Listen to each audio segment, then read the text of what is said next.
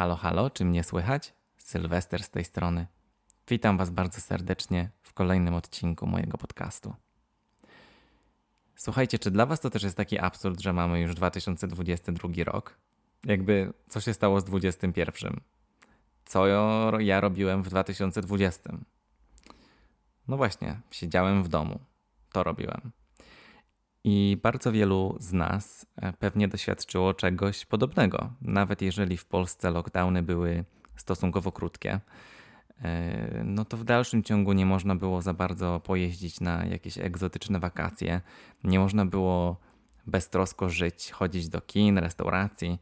E, no a jeżeli nie pracujecie w służbie zdrowia i nie, nie był to taki najbardziej pracowity czas waszego życia, e, no to pewnie był to najnudniejszy i też z tego względu być może najtrudniejszy też e, czas w waszym życiu od bardzo, bardzo dawna. E, I w dzisiejszym odcinku chciałbym się skupić właśnie na tym takim skradzionym roku mojego życia, czyli większej części 2020 i mniejszej części 2021 roku. No i na moich takich wzlotach i upadkach w tym okresie bo zadawaliście nam dosyć często e, pytania dotyczące właśnie mm, tego, jak przeżyliśmy pandemię na naszym Instagramie. E, więc w tym odcinku chciałem Wam opowiedzieć też o problemach, jakim musieliśmy, e, jakim musieliśmy z Grzegorzem sprostać, będąc zamkniętymi w domu we dwójkę przez no, wiele miesięcy.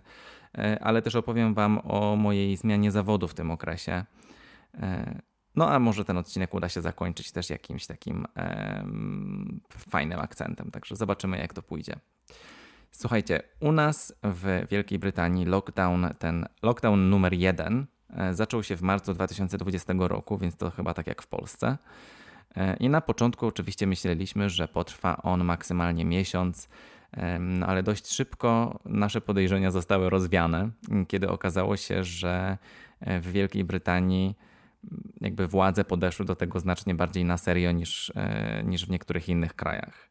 E, a już nawet jak na Wielką Brytanię, to Walia, czyli tu, gdzie my mieszkamy, podchodziła jeszcze bardziej sceptycznie do rozluźniania jakichkolwiek restrykcji. E, Anglia za każdym razem mm, otwierała się mniej więcej miesiąc, półtorej miesiąca wcześniej niż, niż my. No a nasz pierwszy lockdown, jak się rozpoczął w marcu, to potrwał tak naprawdę prawie do sierpnia. E, a przynajmniej dla nas, e, kiedy ja i Grzegorz pracowaliśmy w gastronomii po prostu sektor gastronomiczny był zamknięty przez bardzo długi czas.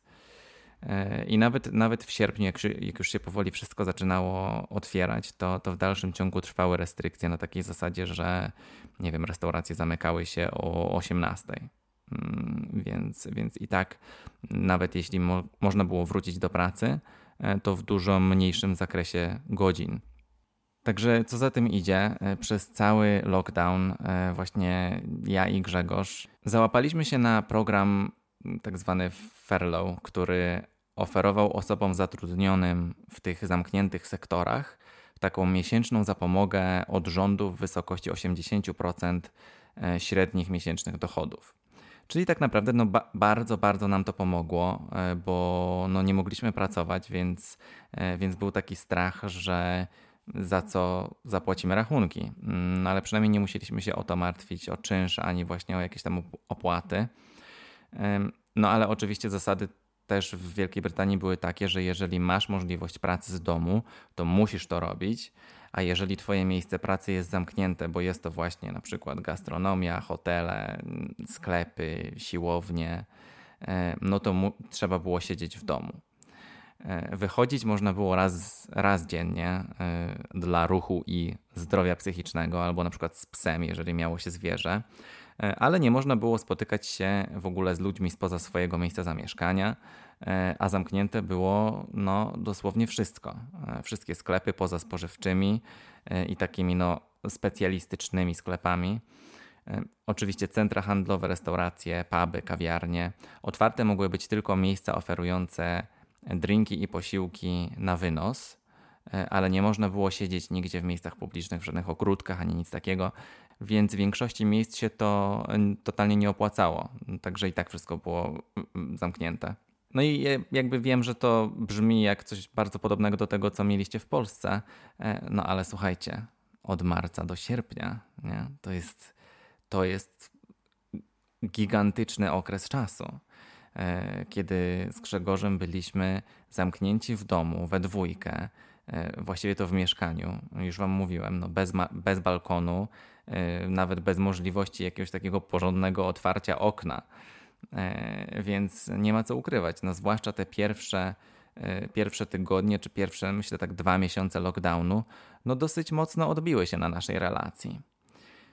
Wiecie, że ja jestem introwertykiem i ja potrzebuję regularnie przez jakąś ilość mojego czasu e, być sam, bez niczyjego towarzystwa. Zresztą wydaje mi się, że Grzegorz też w pewnym stopniu. Mm, podejrzewam, że większość ludzi, nawet ekstrawerci przecież chyba mają czasami taką potrzebę. E, no ale ja naprawdę bardzo mocno to odczuwam, kiedy nie mogę się tak zregenerować samemu. Z drugiej strony, my z Grzegorzem byliśmy przyzwyczajeni do tego, że no obaj pracujemy bardzo dużo e, i z tego okresu, który zawsze mieliśmy jako z, tego czasu, który mamy jako czas wolny, to zazwyczaj mniej więcej połowa, 50% e, przypadała nam na taki czas wolny, który spędzamy wspólnie, a drugie 50% to było tak, że mieliśmy wolne, kiedy druga osoba pracowała, więc każdy miał też trochę takiego swojego czasu dla siebie samemu. I to było fantastyczne, bo też nauczyliśmy się bardzo e, szybko doceniać e, ten czas, który mamy razem. E, no a tutaj nagle w lockdownie mieliśmy 100% całego czasu naszego, w naszym życiu we dwójkę, razem, bez zbytnich możliwości wyjścia z domu, bez pracy, bez możliwości spotkania się z kimkolwiek innym, więc no nawet nie było sobie co nawzajem opowiadać już po, po kilku pierwszych tygodniach. E, więc no naturalnie zaczęliśmy sobie po prostu działać nawzajem na nerwy. No i to jakby chyba jest też normalne, nie? Ale po prostu no, jak sobie teraz wspominam, to, no to było ciężko. Były jakieś takie ciche dni, kiedy praktycznie się do siebie nie odzywaliśmy, e, ale czasem też z drugiej strony cichy dzień jest przecież lepszy niż jak gdybyśmy mieli się zmuszać do spędzania czasu razem, e, co mogłoby się kończyć na przykład kłótnią, więc, e, więc wiecie, no, no, no ciężko wygrać. To, to naprawdę był dla nas e, taki dosyć duży test i jakby zdaję sobie sprawę z tego, że nie tylko dla nas. To jest, to jest to, o czym ja bardzo długo myślałem też w czasie pandemii, jak bardzo wiele znajomości i relacji między ludźmi się tak musiało wyklarować, może przekalkulować e, i, i, i, no, to, był, to był test dla nas wszystkich. Mi było na tyle ciężko, że w ogóle w lockdownie totalnie odłożyłem alkohol, nawet w jakichś takich malutkich ilościach, bo nie chciałem dodawać sobie jakichkolwiek innych dodatkowych czynników, które mogłyby wpływać na moją psychikę i, i na moje zdrowie psychiczne. Więc e, no plus tego wszystkiego był taki, że od marca 2020 roku e, ja w dalszym ciągu praktycznie w ogóle nie piję alkoholu. E, poza jakąś taką symboliczną małą lampką wina przy takiej naprawdę jakiejś dużej okazji, czyli na przykład, nie wiem, nowy rok albo urodziny, mm, to, to, to wtedy się skuszę, ale to też jakby nie tęsknię za alkoholem. Już się tak totalnie od niego odzwyczaiłem, że w ogóle mnie totalnie nie ciągnie, a jak czuję w ogóle zapach piwa, to, e, to, to tak trochę mi się niedobrze robi. No ale wracając do lockdownu, tego pierwszego, e, no po prostu musieliśmy się z Grzegorzem nauczyć życia w tej dziwnej rzeczywistości, kiedy każdy dzień wygląda tak samo. E, informacje ze świata codziennie były na zasadzie tyle zachorowań, tyle śmierci. E, na każdym kroku mierzyliśmy się z takimi absurdami tutaj. Ja mówię, to trwało miesiącami, że w supermarketach były zastawione alejki z książkami, albo z grami komputerowymi, albo z filmami, bo w sklepach sklepy mogły sprzedawać tylko i wyłącznie towary podstawowe i niezbędne do życia. Czyli książki były cudzysłowie zakazane ale na przykład fajki i alkohol można było kupować w takich ilościach, w jakich się chciało, nie? więc to po prostu mnie, yy, do, mi się to do tej pory nie mieści w głowie. Yy, alejki z zabawkami dla dzieci albo z grami planszowymi też były pozastawiane i nie można było kupować zabawek dla dzieci, ale sklep zoologiczny był otwarty i można było w nim kupić zabawki dla psów i kotów. Nie? W ogóle jakiś, jakiś totalny absurd. No a już na marginesie, oczywiście z internetu na Amazonie można było e, kupić wszystko, więc, e, więc oczywiście Amazon zarobił w tym czasie najwięcej. No ale jakoś daliśmy radę. Wyrobiliśmy sobie z Grzegorzem jakiś taki system e, nowego funkcjonowania. Przyzwyczailiśmy się do bycia wokół siebie non-stop. I, I później było wręcz dziwnie, jak, jak ja poszedłem do pracy, bo moja restauracja otworzyła się wcześniej niż Grzegorza. E, i, i on siedział dalej w domu, no a ja normalnie szedłem do roboty. E, fajne było to, że wreszcie miałem mu co opowiadać po całym dniu poza domem. No, no i on też miał co opowiadać mi, e, co tam ciekawego robił w domu przez cały dzień. To aż tak dziwnie brzmi, nie? że wyjście do pracy było nagle taką egzotyczną sprawą. No ale ten czas, który zdążyłem przesiedzieć w domu, też nie poszedł e, na marne i, i, w żadnym wypadku nie był stracony. I to jest kolejny temat, który chciałem poruszyć dzisiaj w odcinku, bo, bo pytaliście mnie o to na Instagramie, e, jak to się stało, że zostałem programistą. E, generalnie jakoś w 2019 roku zacząłem się już tak hobbystycznie uczyć programowania. Już, już wcześniej coś tam blogowałem, właściwie to nawet od nastolatka. Jakby kto nie miał bloga na MyLogu na przykład, nie? Tam jakby wygląd też można było zawsze e, edytować samemu w HTML-u, w edytorze i, i kombinować. E, więc gdzieś to mi się przez cały czas przewijało przez, e, przez dłuższy okres. Mm, my z Grzegorzem też mieliśmy kiedyś bloga podróżniczego po angielsku, więc zawsze jakoś tak to to programowanie, te, to tworzenie stron internetowych e, w jakiś sposób się pojawiało wokół mnie.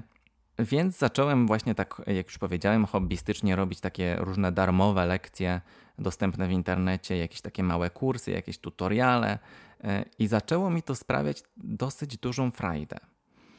No i tak po kilkunastu, po obejrzeniu kilkunastu filmików na YouTubie o tym, jak zostać programistą, stanąłem na takim trochę rozdrożu, bo jednocześnie w tamtym czasie dostałem też w pracy y, w restauracji ofertę kolejnego awansu, co wiązałoby się z jeszcze większą ilością czasu w robocie.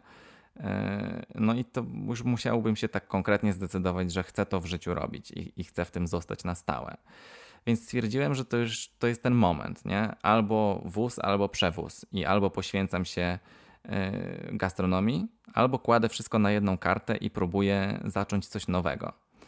E, no i słuchajcie, wykonałem ten, ten pierwszy krok. Powiedziałem w pracy, że, że bardzo dziękuję za ofertę, ale nie dziękuję. E, I zacząłem się tak na poważnie uczyć programowania. Mm, nawet w pewnym momencie aplikowałem na studia e, w tym kierunku i dostałem się na nie. E, i miałbym je zacząć od września 2020 roku, bo kiedy ja na nie aplikowałem, to już był październik 2019 i ten poprzedni rok e, akademicki już się rozpoczął. No ale nieważne. E, póki co w dalszym ciągu pracowałem w restauracji na, na tym swoim stanowisku. Jednocześnie w dni wolne uczyłem się samemu programowania, mm, czekając właśnie na te studia, które miałyby się zacząć rok później. Aż tu nagle właśnie zaczęła się pandemia, i, i przyszedł ten pierwszy lockdown. E, I dostałem od losu tyle wolnego czasu, że mogłem spokojnie e, spędzić nie kilka godzin tygodniowo na naukę, tylko kilka godzin dziennie. E, I to mega przyspieszyło mój progres. Miałem takie poczucie, że, że muszę wykorzystać tą możliwość, bo nie wiem, ile tego czasu wolnego mam, a możliwe, że już nigdy więcej takiej okazji nie będę miał, żeby, żeby no, mieć taką możliwość, żeby poświęcić się nauce czegoś nowego, jednocześnie w dalszym ciągu dostając 80% mojej normalnej pensji z pracy. Więc to po prostu spadło mi e, z nieba. Byłem, byłem zachwycony e, i, i stwierdziłem, że muszę, muszę to wykorzystać. Więc tak oto od marca 2020 roku robiłem e, po prostu kurs za kursem. Najpierw takie dostępne właśnie za darmo online, e, później też dużo takich tutoriali na YouTubie. E, jest bardzo wielu mm, takich programistów, influ, influencerów, którzy też robią, robią fajne kursy za darmo. A w końcu też kupiłem kilka, kilka takich online płatnych, które są bardziej ukierunkowane i mają taką jakąś bardziej przemyślaną strukturę nauki. Niektóre kupiłem na platformie Udemy, e, a niektóre na platformach właśnie już takich dedykowanych mm, różnych twórców e, w internecie. E, no i tak pomału budowałem właśnie swój mm, tak zwany skill set i, i jakieś takie małe portfolio skromnych projektów, żeby w pewnym momencie poczuć się też na tyle pewnie, żeby być w stanie aplikować o, o pracę jako junior developer. Tak? E, I na początku, jak wysyłałem CV-ki, no to nie było absolutnie żadnego odzewu. Ciężko było się przebić, bo jednak najwięcej konkurencji i, i, i wysyłanych CV-ek jest właśnie na te stanowiska na juniora. E, czasem widziałem tam po 100, po 200 wysyłanych aplikacji, na przykład e, na, nawet na samym LinkedInie w ogóle nie licząc innych platform. E, także, także to był jakiś totalny koszmar, ale traktowałem to z jakimś takim pozytywnym mm, podejściem. Myślałem sobie, że każdy ignor i, i, i każdy właśnie, każda taka aplikacja, e, z której nie słyszałem żadnego odzewu, e, to taka sugestia, że jeszcze coś muszę dopracować albo w CV, albo w portfolio, albo właśnie w, w tym moim skillsecie. Więc uczyłem się dalej do tego momentu, w którym wreszcie udało mi się przebić przez, e, przez ten pierwszy przesiew. E, aplikowałem wtedy na stanowisko takie podstawowe w, jak to się mówi, IT, IT support w takiej ogromnej międzynarodowej firmie. E, klimat taki bardzo korpo. I właśnie kolejne etapy procesu aplikacji były, mm, można powiedzieć, bardzo dogłębne i takie no, konkretne. Oni wiedzieli jakby jak ten proces rekrutacji musi koniecznie wyglądać, mieli jakiś system oceniania i trzeba było przez to, e, przez ten tor przeszkód przebiec i, i jeżeli się dobiegło na czas e, z najlepszym wynikiem, to, to się dostawało pracę. Wiecie, to nie było takie typowe e, jedno interview i, i nara, tylko rzeczywiście taki cały proces. Najpierw miałem wideo interview w formie nagrywania odpowiedzi na podawane pytania przez komputer i to jakby, jakby przez aplikację internetową, więc to nie było personalne, że z drugą osobą, tylko po prostu komputer mi podawał pytania, a ja musiałem nagrać odpowiedź, e, audio i wideo, żeby później rekruterzy z tej firmy mogli te nagrania obejrzeć, ocenić i albo mnie przerzucić na następny etap rekrutacji, albo mnie odrzucić. No i po tym pierwszym etapie miałem też e, test behawioralny, a później e, załapałem się też na interview takie prawdziwe, w dalszym ciągu zdalne, ale już z żywymi ludźmi po drugiej stronie kamerki. E, I to był też w ogóle jakiś taki cały dzień, bo to nie była jedna rozmowa kwalifikacyjna, tylko to trwało 3-4 godziny. Oni przeprowadzali re rekrutację jakiejś konkretnej ilości osób tamtego dnia i najpierw mieliśmy do, do, jakby do wykonania zadanie grupowe razem z innymi aplikantami, e, więc byliśmy podglądani i podsłuchiwani przez rekruterów, podczas gdy my, gdy my musieliśmy coś przedyskutować i, i, i zbudować jakiś plan działania w jakiejś tam sprawie. Już nie pamiętam dokładnie o co tam chodziło. E, więc to było takie strasznie niezręczne, no bo wiadomo, wszyscy są nowi, ktoś nas podgląda, nie wiemy o co chodzi, a tu jakieś jakby zadania grupowe z ludźmi, których się nie zna, są trudne nawet osobiście, a co dopiero e, przez internet, przez kamerkę. Później po tym zadaniu grupowym mieliśmy też zadanie pisemne do wykonania już samodzielnie. E, na nie mieliśmy prawie godzinę. E, a potem było też właśnie zdalne interview jeden na jednego z menadżerem działu, do którego aplikowałem. No i ono też trwało jakąś godzinę i powiem Wam, że po tym całym dniu rekrutacyjnym ja już nawet nie wiedziałem, czy ja chcę dostać tą pracę, bo klimat właśnie takiej wielkiej korporacji w ogóle mi nie, nie odpowiadał. Mm, nikt w ogóle nie był w stanie mi przez te wszystkie etapy rekrutacji konkretnie powiedzieć, co ja właściwie będę musiał robić, mm, co ja bym musiał robić w tej pracy, czy jak ona wygląda. E, poza tym, że support, IT support, ale jeżeli ja nigdy tak nie pracowałem, to skąd ja mam wiedzieć, co to znaczy? Więc byłem taki trochę zniechęcony e, i, i w sumie słusznie, bo się okazało kilka dni później, że i tak nie dostałem, e, nie dostałem tej pracy. Nie, nie złożyli mi oferty. Rekruter mi powiedział, że interview i zadanie pisemne zrobiłem bardzo dobrze, ale ta praca w grupach była słaba. E, no, ale introwertykom jednak ciężko jest udzielać się w grupie podczas wykonywania zadania zdalnie. Jakby ja wiedziałem już z góry, że, że to będzie moja najsłabsza strona, więc zupełnie mnie nie zdziwiło e, to, jak to wszystko wyszło. No ale wziąłem to na klatę i przede wszystkim potraktowałem to jako bardzo dobrą praktykę e, właśnie w tym procesie rekrutacyjnym bo, bo do samego interwiu, do tej rozmowy też robiłem bardzo duży research i przygotowałem się na chyba każde możliwe pytanie, e, a sprawiło to, że rzeczywiście czułem się podczas tej rozmowy dużo bardziej pewny niż normalnie bym się czuł, gdybym się e, do niej tak nie przygotował. Zwłaszcza właśnie, że, że ona była zdalna, co, co, co zawsze dodaje jakiś taki kolejną warstwę niezręczności w tym procesie. No ale widzicie, e, nie dostałem tej pracy. Później skończył się pierwszy lockdown. E, wróciliśmy do pracy w restauracji.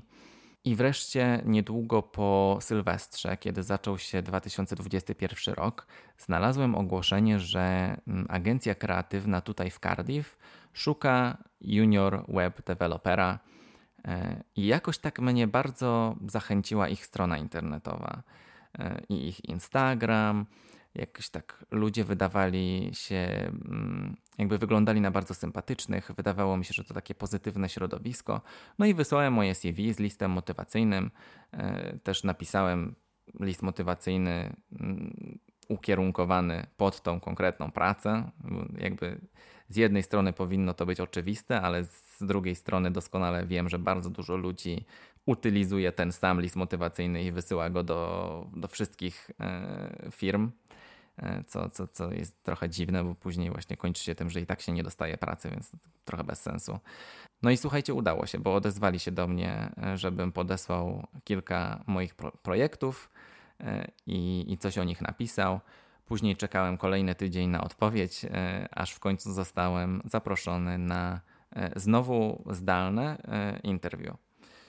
No i jako, że to było moje tak naprawdę już trzecie podejście do takiego zdalnego, do takiej zdalnej rozmowy kwalifikacyjnej, e, to byłem, czułem się taki naprawdę pewny siebie, przygotowany też na, na każde możliwe pytanie e, i, I rzeczywiście byłem mega dumny z siebie, jak mi ta rozmowa e, o tą pracę poszła. Miałem takie porównanie też z tym poprzednim doświadczeniem, kiedy, kiedy po rozmowie nie byłem w ogóle pewny, czy, czy chciałbym dostać tą pracę. Tak tutaj od razu przyszedłem e, po rozmowie do salonu, do Grzegorza i powiedziałem mu, że słuchaj, poszło super i jestem prawie pewny, że coś z tego będzie, bo, bo widziałem, że i ja polubiłem ludzi, z którymi rozmawiałem, i oni e, polubili mnie. E, no i rzeczywiście coś z tego było, bo, e, bo kolejny tydzień później zostałem poinformowany, że muszę e, jeszcze tylko zaliczyć test techniczny, co załatwiłem w ciągu kilku dni. No i kolejny tydzień później otrzymałem odpowiedź i, i złożyli mi ofertę, jakby propozycję pracy. No ten tydzień poprzedzający ten, ten moment był, to był bez kitu najdłuższy tydzień mojego życia. E, bo już naprawdę chciałem dostać tą pracę. Byłem już tak blisko, że czułem się jakby była na wyciągnięcie ręki, więc gdybym na tym ostatnim etapie odpadł, no to już byłoby mi przykro. E, Grzegorz też miał mnie już dosyć e, w tym czasie bo nie mogłem się na niczym skupić. Chodziłem, chodziłem przybity i zmartwiony i taki, wiecie, po prostu flaki mi się przewracały ze stresu. Nie mogłem nawet nic, e, nic oglądać w telewizji, bo, bo w ogóle jakby nie, nie skupiałem się na tym, na tym co, co widzę. E, no ale w końcu dostałem informację e, od mojego szefa nowego, że, że dostaję pracę, kiedy mogę zacząć, a, a dzień później przy, przywiózł mi pod dom laptopa, monitor i całą resztę moich pracowniczych rzeczy. I, i, I od kolejnego poniedziałku zaczynałem zdalnie e, pracę na nowej ścieżce kariery. Wreszcie. I był to rzeczywiście jeden z takich e, najlepszych okresów w moim życiu. E, mimo wszystko byłem mega dumny z siebie, mm, że no, nauczyłem się sam w domu wystarczająco dużo na jakiś temat, że dostałem pracę w nowym zawodzie. No to, to jakby nie jest wydaje mi się, coś, co można tak od tak sobie wymyślić i, i, i, zrobić. I rzeczywiście się udało, także, także to było super. I była to dla mnie też właśnie ta opcja, żeby odejść z gastronomii, e, w której no, czułem się już wypalony i, i dlatego mi było tak, tak ciężko. No i minął już ponad rok, odkąd pracuję jako programista. E, mega lubię moją pracę i, i póki co nie zmieniłbym tego zawodu na żaden inny. I chyba wreszcie odnalazłem to, co, co chcę robić i co sprawia mi przyjemność. No i słuchajcie, kiedy już myśleliśmy wszyscy, że, że pandemia się skończyła, to jakoś późniejszą jesienią 2020 roku znowu zaczęły wzrastać e, zachorowania i, i zgony, niestety. E, I doszło do tego, że zbliżał się kolejny lockdown dla nas tutaj w Walii. I znowu nie wiedzieliśmy, ile on potrwa. E, I co było piękne, to to, że zdecydowaliśmy się z Grzegorzem na to, żeby, żeby adoptować E, koty. I poprosiliśmy naszego landlorda e, ówczesnego o zgodę. On się zgodził, powiedział, że to, że jasne, że super pomysł, że zwierzęta e, są bardzo potrzebne właśnie mm, i dobre dla zdrowia psychicznego, zwłaszcza w tych czasach, w których żyjemy. I tak oto w grudniu dowiedzieliśmy się, że są E, szukające domu kociaki w małej wsi niedaleko e, Cardiff, która nazywała się Seven Sisters. I pojechaliśmy tam i poznaliśmy Saigona i Baliego. W sensie no, wtedy one jeszcze się tak nie nazywały, to myśmy ich tak nazwali, dwa kocurki. E, I przywieźliśmy je do domku tutaj. Jeden, no jakby no, bracia z jednego miotu, więc obaj mieli 8 tygodni i są z nami do dzisiaj. Już minęło półtorej roku. Nie wiem, kiedy to zleciało. I wiecie co?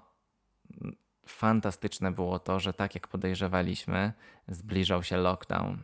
Więc jakieś dwa tygodnie po tym, jak, e, jak Saigon i Bali z nami zamieszkali, e, ogłoszono e, kolejny lockdown, co pozwoliło nam być z naszymi nowymi kociakami w domu przez cały ten czas, kiedy dorastały. A wiecie, jak to jest z małymi e, zwierzętami. One dorastają tak, one rosną z taką prędkością, że, że my szliśmy spać, rano wstawaliśmy, ja wychodziłem z sypialni i miałem wrażenie, że już są większe. Więc, e, więc to było niesamowite, że mieliśmy okazję przez kolejnych kilka miesięcy znowu posiedzieć w domu i no i wtedy już było zupełnie inaczej, bo byliśmy z Grzegorzem przyzwyczajeni też do tego, już, jakby już wiedzieliśmy jak grać w tą grę, jak żyć we dwójkę e, w jednym mieszkaniu, kiedy jesteśmy tutaj 100% naszego czasu. E, do tego mieliśmy dwa koty, e, które nam dały bardzo, no, bardzo dużo miłości i, i, i my im też.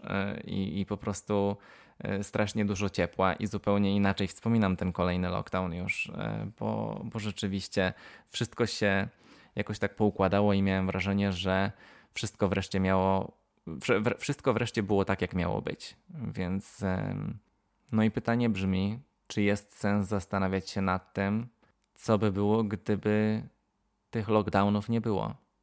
Czy mielibyśmy koty? Czy mielibyśmy inne koty? Czy pracowałbym w restauracji dalej, czy pracowałbym już też jako programista, nie wiadomo. E, ale mam wrażenie, że wszystko się jakoś tak poukładało. E, jak wiecie z poprzedniego odcinka podcastu, teraz e, trochę nam się poplątało w życiu z warunkami mieszkalnymi, ale mam wrażenie, ma, mam nadzieję, że to też się niedługo ułoży tak, jakbyśmy chcieli tak, jak sobie to wymarzyliśmy. Także widzicie, staram się, staram się nie martwić, jeżeli jest coś poza moją kontrolą, a to, co nad czym mam kontrolę, to, to staram się działać. Więc myślę, że będzie dobrze, damy radę. A w kolejnych odcinkach na pewno Wam e, dam jakiś update i Wam powiem, co, co się wreszcie z nami, co się dzieje, gdzie mieszkamy i o co chodzi. No nic, dziękuję Wam bardzo, e, że mnie dzisiaj wysłuchaliście. Widzicie, dzisiaj tak yy, poopowiadałem Wam trochę z jednej beczki, trochę z drugiej beczki, ale mam wrażenie, że dopowiedziałem kilka takich spraw, yy, o które często pytaliście na Instagramie. Więc jeżeli podobał Wam się dzisiejszy odcinek, to będzie mi bardzo miło, jeżeli zostawicie kciuka w górę na YouTubie, jeżeli słuchacie mnie na YouTubie. E, no i pamiętajcie, że możecie mnie śledzić, e, mnie i Grzegorza na Instagramie, na koncie Gregi Sylwester, e, jak i na platformach streamingowych możecie śledzić podcast na Spotify, iTunes itd., tak itd. Tak Dziękuję Wam bardzo serdecznie jeszcze raz za to, że jesteście. Pozdrawiam bardzo mocno z deszczowej wali. Właśnie patrzę przez okno, jak nagrywam, e, patrzę, jak pada deszcz, więc szaro buro dzisiaj. Pozdrawiam Was i do usłyszenia w kolejnym odcinku.